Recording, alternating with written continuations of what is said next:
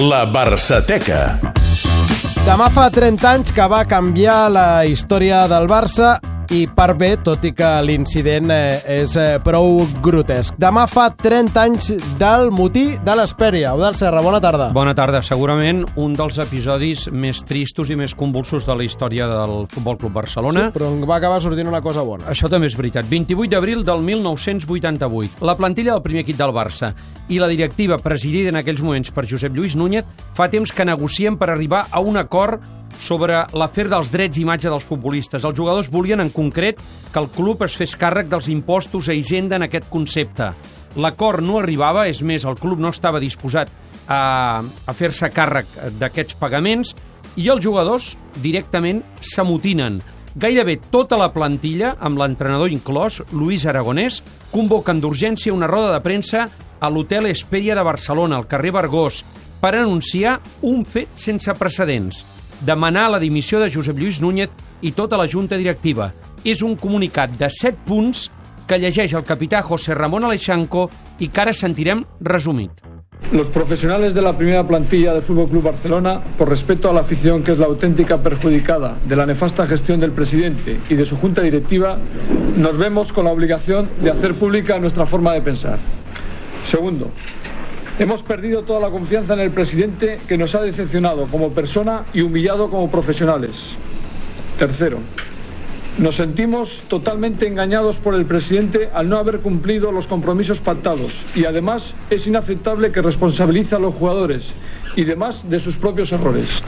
Un club como el nuestro no puede permitirse vivir en un clima de constante intranquilidad. En conclusión, y aunque la petición de dimisión es derecho de los socios del club, la plantilla sugerimos dicha dimisión. Barça. Bé, um, tornem a repetir allò que de vegades hem comentat a la Barçateca, que ara aquests episodis semblarien o serien impensables. Home, increïble no? que una plantilla, una plantilla demani la dimissió del Bé, president. De fet, en aquell moment també, També ho va era. semblar és a dir, impensable, és a dir, sí, sí. Ara escoltes això i dius, eh, em perdó, eh?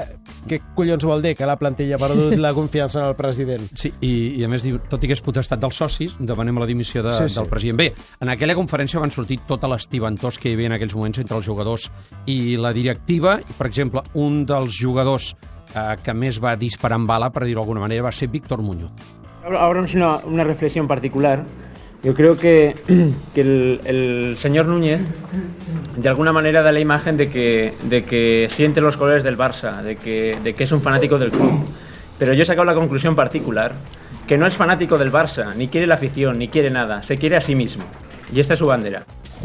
Només tres jugadors no van firmar aquell comunicat, per motius diversos. El primer, López López, que era un nano que havia pujat del filial Sí. i que estava convalescent d'una lesió, no hi era. Gary Lineker, que estava concentrat amb la selecció d'Anglaterra. I Bernd Schuster, que no la va voler firmar.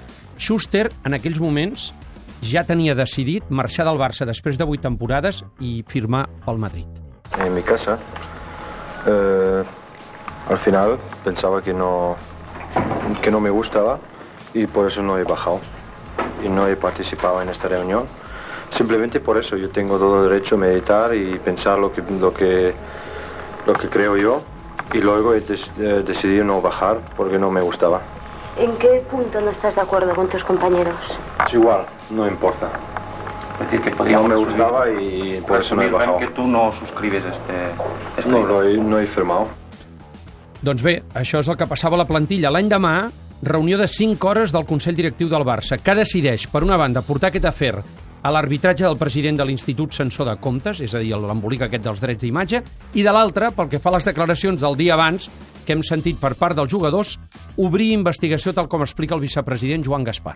I respecte a la resta de manifestacions fetes públiques en roda de premsa del dia 28 d'abril, el Consell Directiu estima que la conducta de la plantilla pot ésser tipificada en el dret esportiu disciplinari per la qual cosa ha designat a tres membres del mateix perquè instrueixin la corresponent informació reservada amb facultats delegades pel Consell per elevar-la en el seu moment si procedeix a expedient disciplinari. A tot això, al cap de 3 dies, el Barça jugava partit de Lliga al Camp Nou i amb el Madrid. I, a més a més, amb un afegit. El Barça va fer el passadís d'una hora al Madrid perquè ja s'havia proclamat matemàticament campió de Lliga. Doncs bé, els jugadors van ser rebuts pels aficionats de forma multitudinària amb una mocadurada. El Barça va, però, va acabar guanyant aquell partit i, com passa moltes vegades, eh, van sortir al final els jugadors aplaudits. La temporada següent, què va passar? Doncs que el Barça va fitxar Johan Cruyff com a entrenador Aquí anava. i va haver-hi una autèntica neteja. fa que tot aquest esperpent que acabem d'escoltar es converteixi en una bona notícia. I quan dic neteja és que va haver-hi una neteja. 15 d'aquells futbolistes que van participar del motí de l'Esperia van abandonar el club.